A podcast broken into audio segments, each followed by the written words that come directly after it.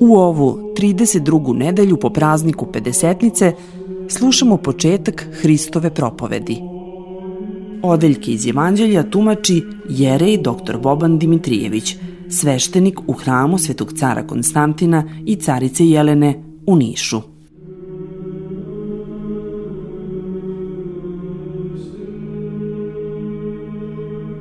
A kada ču Isus da je Jovan predan, otide u Galileju i ostaviši Nazaret, dođe i nastani se u Kopernaomu primorskome, u krajevima Zavulonovim i Neftalimovim, da se ispuni što je rekao prorok Isaija govoreći.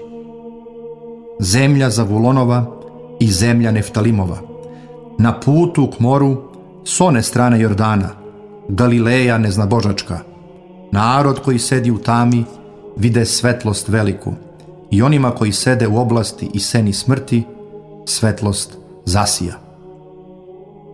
Od tada poče Isus propovedati i govoriti.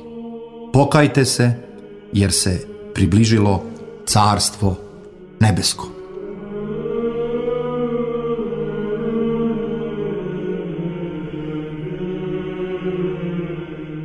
Ovaj evanđelski odeljak nam govori o tome kako je Hristo svoju evanđelsku propoved započeo u severnim krajevima svete zemlje, u Galileji neznabožačkoj. To su naime bili krajevi u kojima su živjeli pripadnici jevrejskog naroda iz Zavulonovog i Neftalimovog plemena i najveći grad u tim krajevima bio je Kapernaum. Ovaj grad bio je najznačajnije mesto na obali Galilejskog jezera i u njemu se nastanio sam spasitelj, došavši u njega iz Nazareta. Tu je spasitelj započeo svoju propoved i tu je neuke galilejske ribare prizvao apostolsku službu i učinio ih je lovcima ljudi, odnosno propovednicima i misionarima carstva Božjeg. Šta je bio sadržaj Hristove propovedi? Sadržaj Hristove propovedi bio je isto ono što i sadržaj propovedi svetog Jovana Krstitelja, a to je carstvo Božje. Pokajte se, jer se približilo carstvo Božje.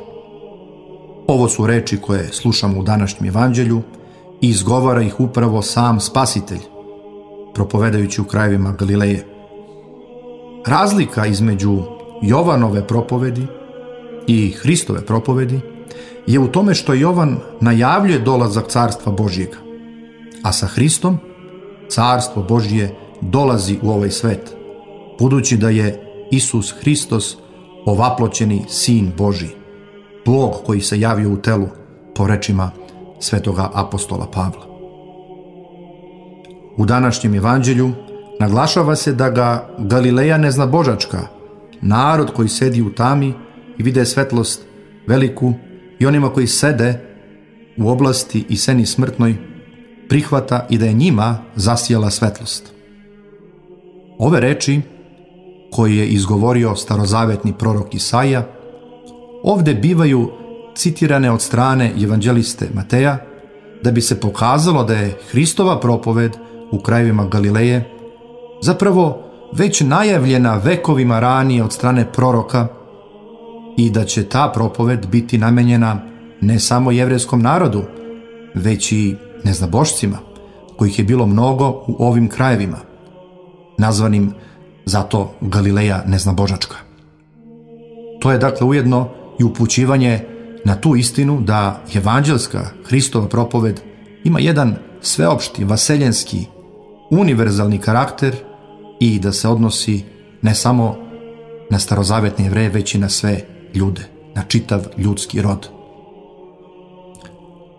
To je veoma važno i za nas verne danas, jer evanđelje je namenjeno svim ljudima svih vremena, bez obzira na sve ljudske podele, bile one političkog, rasnog, verskog, nacionalnog ili bilo kojeg drugog karaktera.